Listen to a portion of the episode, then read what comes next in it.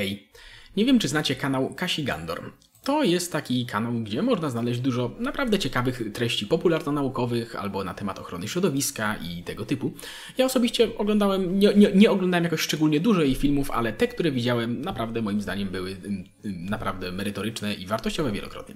Chociaż jednocześnie ym, z tego, co czasem wyłapałem, to zdarza się, że wychodzą w nich na wierzch pewne określone poglądy autorki, ale oczywiście to samo dzieje się z właściwie każdym twórcą internetowym, więc samo w sobie to oczywiście nie jest krytyka. Aczkolwiek podesłano mi ostatnio jej nowy film mm, pod tytułem Liczby, które pomogą Ci zrozumieć skalę dyskryminacji kobiet. No i będziemy musieli go sobie troszkę odpakować, no bo no, zobaczycie dlaczego. Uprzedzam oczywiście, że będę film ten puszczał w 1.25 dla większej przejrzystości, to pomyślałam, że podrzucę Wam dzisiaj garść liczb, danych, różnych statystyk, które potwierdzają to, co pewnie wiele kobiet czuje podskórnie, mianowicie, że nie żyjemy w świecie, w którym wszystkim jest tak samo dobrze. I tak na samym króciutkim początku chciałbym, żebyśmy mm, już tutaj zapamiętali sobie po prostu te słowa, że Kasia sama stwierdza, że podrzuca nam informacje, które mają potwierdzić to, co ona i niektóre kobiety czują. A to, że w tym świecie nie wszystkim jest tak samo dobrze, no, no raczej. E, te liczby będą dość przypadkowe, dotyczące bardzo różnych obszarów życia i wynika to z tego, że nierówności płciowe objawiają się w bardzo szerokim spektrum codziennych spraw i trudno jest je wszystkie zmieścić, niestety, w krótkim filmie.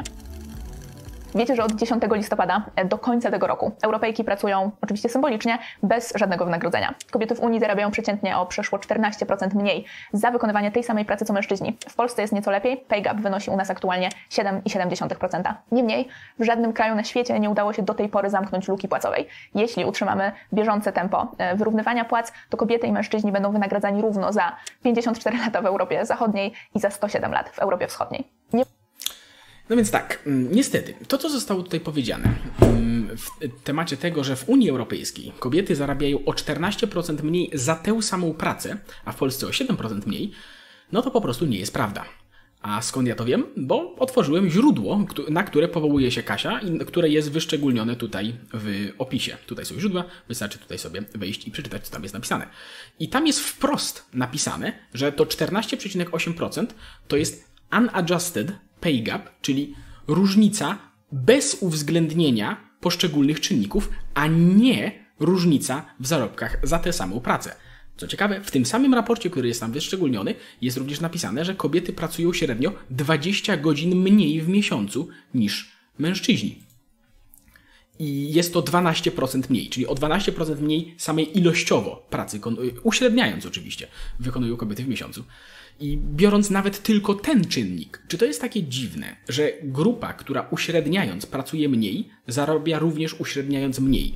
A do tego oczywiście należy doliczyć, że mężczyźni statystycznie wybierają w ogóle inne zawody, prawda? Częściej wybierają m.in. zawody niebezpieczne, częściej biorą nadgodziny i wiele, wiele innych czynników. I ja nie będę tutaj wchodził w szczegóły tego, bo tłumaczyłem to tak naprawdę już u siebie na kanale, co najmniej kilka razy i link do mojego omówienia e, szerszego tego będzie wraz ze źródłami e, będzie w opisie. Jeżeli ktoś ma jakieś ale do tego, co mówię, to proszę najpierw obejrzeć ten film, a potem się do niego odnosić.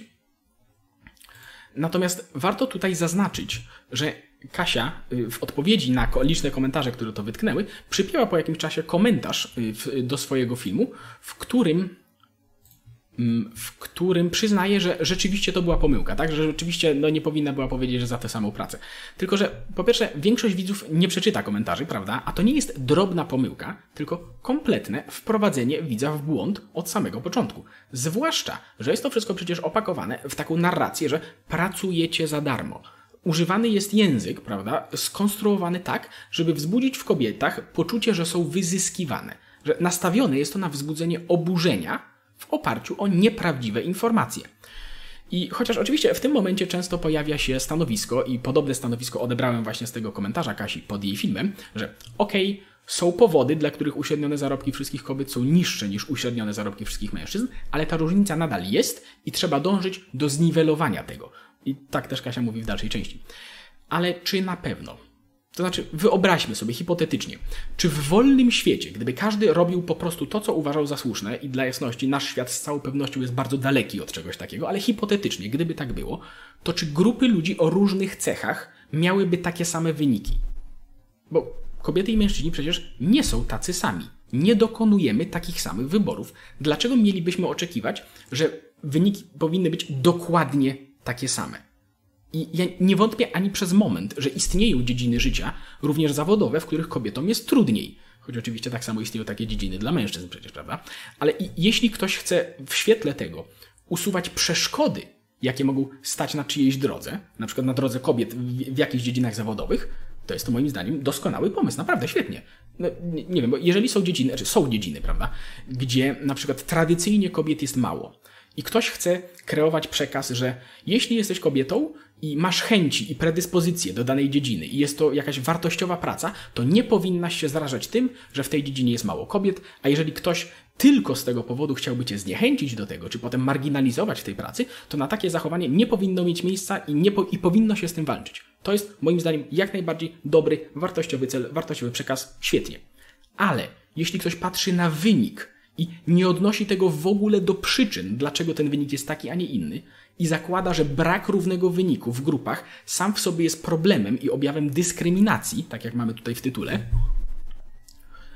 to kłóciłbym się, że to jest bardzo zły sposób na odnoszenie się do tego problemu.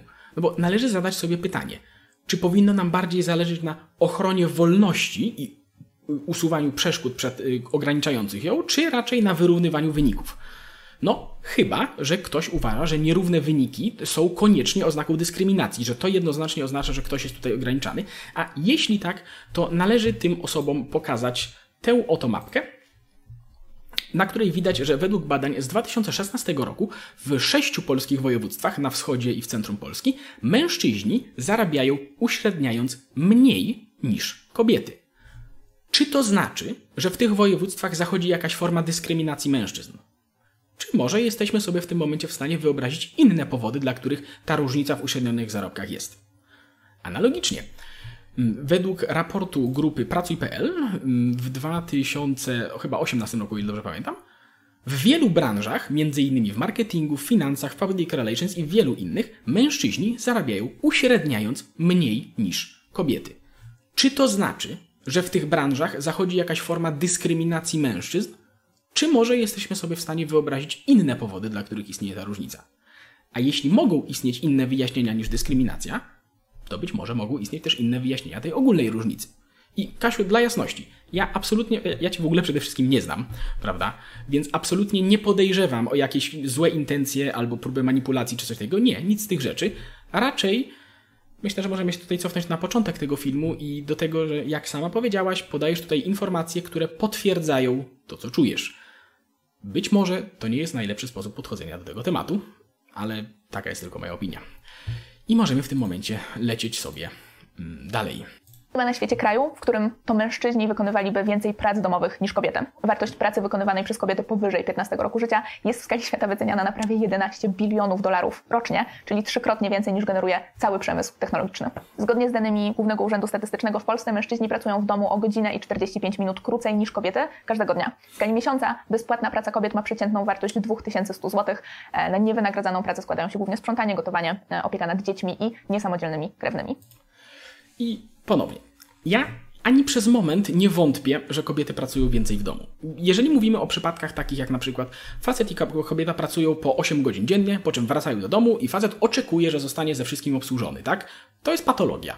Albo jeśli, nie wiem, facet stwierdza, że nie będzie odkurzał, albo nie będzie prasował, bo to jest babskie zajęcie, a faceci to są, nie wiem, od wbijania gwoździ i składania mebli, czy coś takiego, nie, to znaczy to jest jednoznacznie niewłaściwe podejście. Taki bardziej sztywny podział prac na kategorie męskie i żeńskie, które nie mogą się, broń Boże, tu przecinać czy coś takiego, był oczywiście do pewnego stopnia uzasadniony w realiach, gdy kobiety po prostu nie pracowały zawodowo z wielu różnych powodów, ale fakty są takie, że nie żyjemy w takich realiach już, prawda? I czy to się komuś podoba, czy nie, y, czasy się zmieniły i i w, tym, I w tym miejscu również powinna nastąpić zmiana i ta zmiana następuje. Myślę, że też to wszyscy widzimy. Natomiast jeśli ktoś chciałby zwrócić uwagę na ten problem, który opisałem tam, gdzie jeszcze istnieje, to spoko, ponownie, świetnie. To jest to, warto zwracać uwagę na takie rzeczy. Ale jednocześnie wydaje mi się, że dotyczy to to jest, to jest moja subiektywna opinia teraz, ale wydaje mi się, że dotyczy to bardziej ludzi z poprzednich pokoleń i że z czasem na tym polu wyraźnie jest coraz lepiej, ale tak mi się zdaje.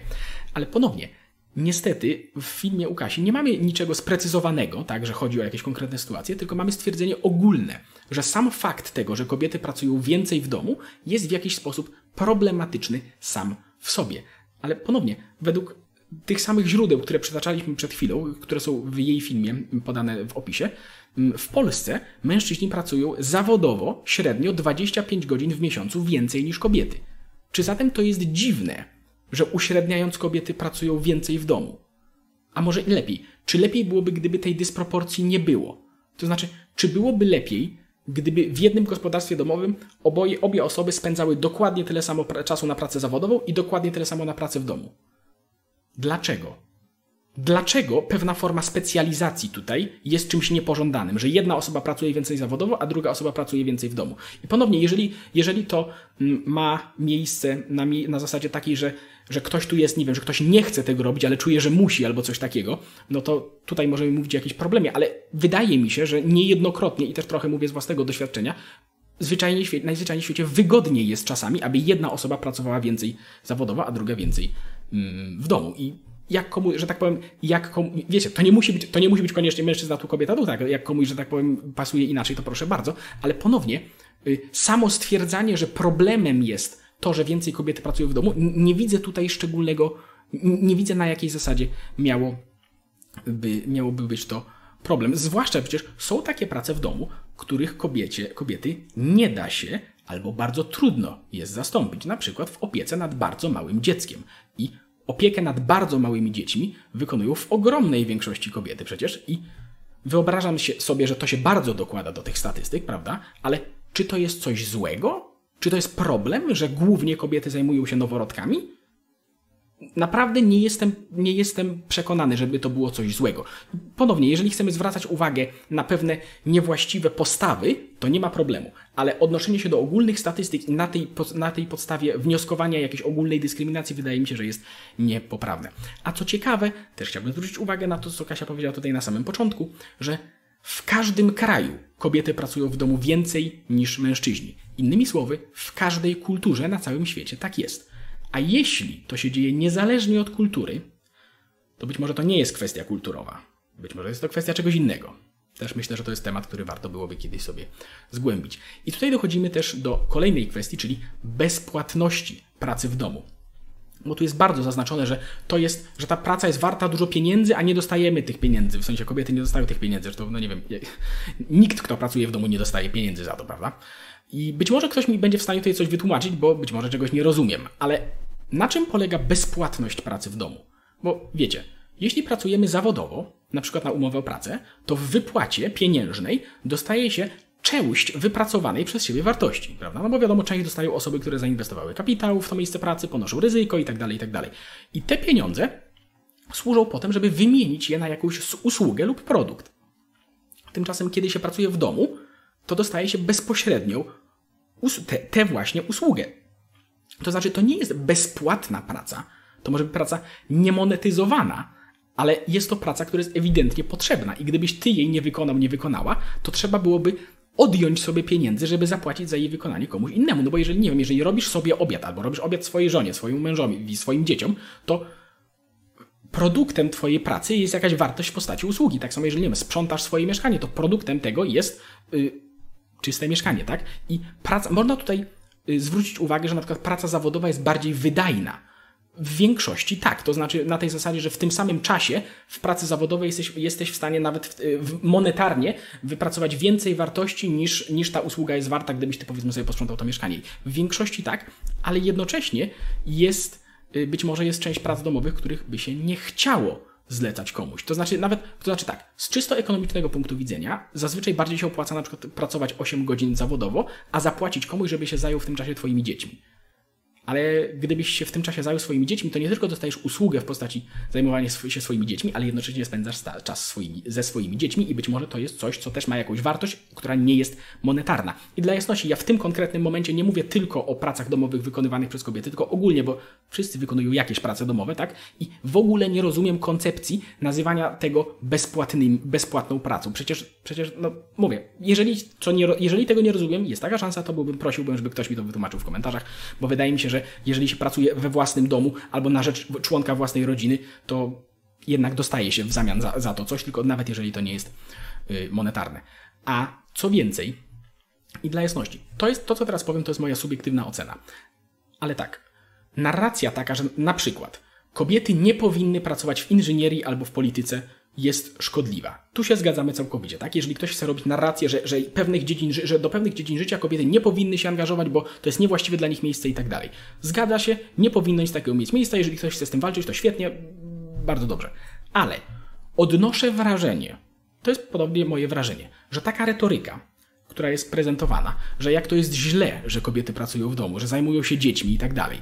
I być może, być może nie celowo, być może nie taki jest tego cel, ale mam wrażenie, że efekt tego jest taki, że rodzi to narrację, że z tą pracą w domu jest coś nie tak. I że, I że zamienia się to tak naprawdę na narrację, że kobiety w jakiś sposób, nie wiem, nie powinny zajmować się dziećmi na własny etat, na pełny etat, przepraszam, że coś jest nie tak z pracą w domu i wydaje mi się, że taka narracja jest również szkodliwa a kłóciłbym się nawet, że być może jest bardziej szkodliwa, bo produktem macierzyństwa jest, mam wrażenie, coś wielokrotnie bardziej wartościowego niż jakiekolwiek produkty inżynieryjne czy polityczne. I zwracam na to uwagę, bo tak się składa, że ja po prostu znam osoby, które po publicznym, po publicznym, kobiety mam na myśli, które po publicznym przyznaniu się, że chcą się zajmować dziećmi na cały etat, spotykały się z pogardliwą reakcją, z postawą na zasadzie żal mi cię i tak dalej. I, I, ogólnie z podejściem, że jest coś nie tak z tym, że to nie jest coś, czym kobieta powinna się zajmować.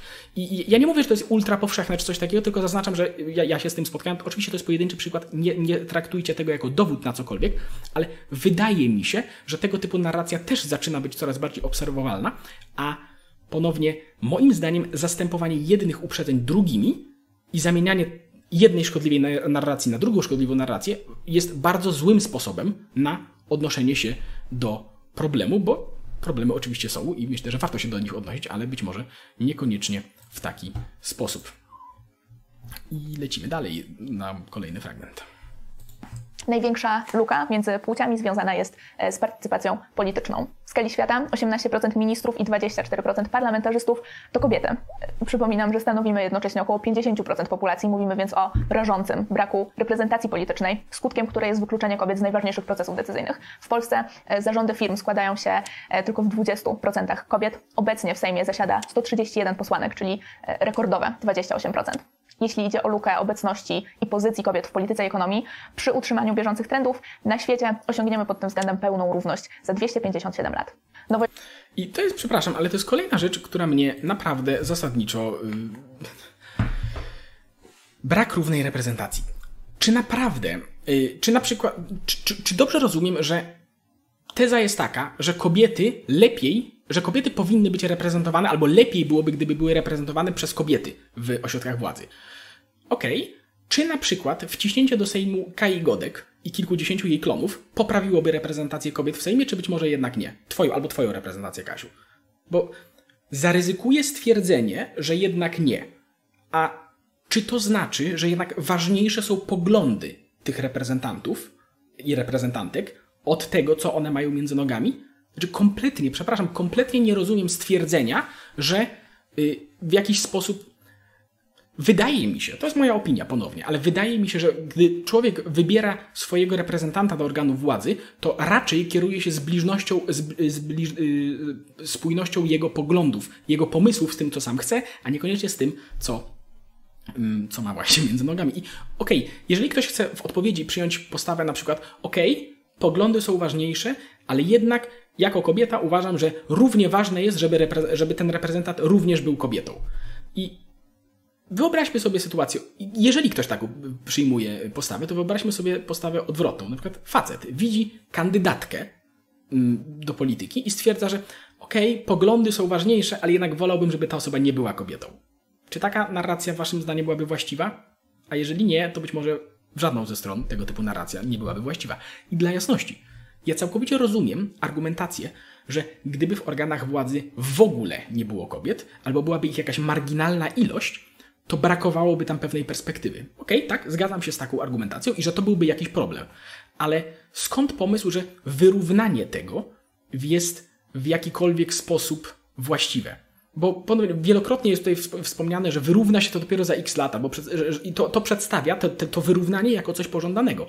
Ale czy to jest właściwie dobry, czy to jest dobry pomysł? No bo ponownie, jeżeli chcemy likwidować bariery, które stoją na drodze osób do osiągania czegoś, to bardzo dobrze, to świetnie, to jest moim zdaniem bardzo dobra, dobra perspektywa. Ale skąd pomysł, że po zlikwidowaniu barier wyniki będą takie same? I nie wiem, czy wiecie, ale y, są do pewnego stopnia parytety, prawda, na listach wy- wyborczych w Polsce i pewnie, znaczy nie wiem, czy wiecie, ale możecie sobie poszukać artykułów na ten temat, że generalnie ciężko jest zapełnić je kobietami, bo kobiety zwyczajnie nie są chętne aż tak do, do angażowania się w politykę, być może dlatego, że, no już nie, nie wchodźmy dlaczego, nie wchodźmy dla, mo- może powinniśmy wiedzieć dlaczego, być może dlatego, że jest to, że jest to dziedzina wysoce kompetytywna i związana z bardzo silną rywalizacją, a tak się składa, że to nawet nie tyle, że mężczyźni wolą rywalizację, tylko osoby z dużą ilością testosteronu się lepiej odnajdują w środowisku rywalizacyjnym. I kobieta, która ma bardzo dużo testero- testosteronu, też się będzie dobrze w takiej sytuacji, y, w takiej sytuacji lepiej odnajdować, ale no, ogólnie mają go mniej, więc nie jest to dziwne chyba aż tak bardzo, że jest tutaj mniejsze, mniejsze zainteresowanie.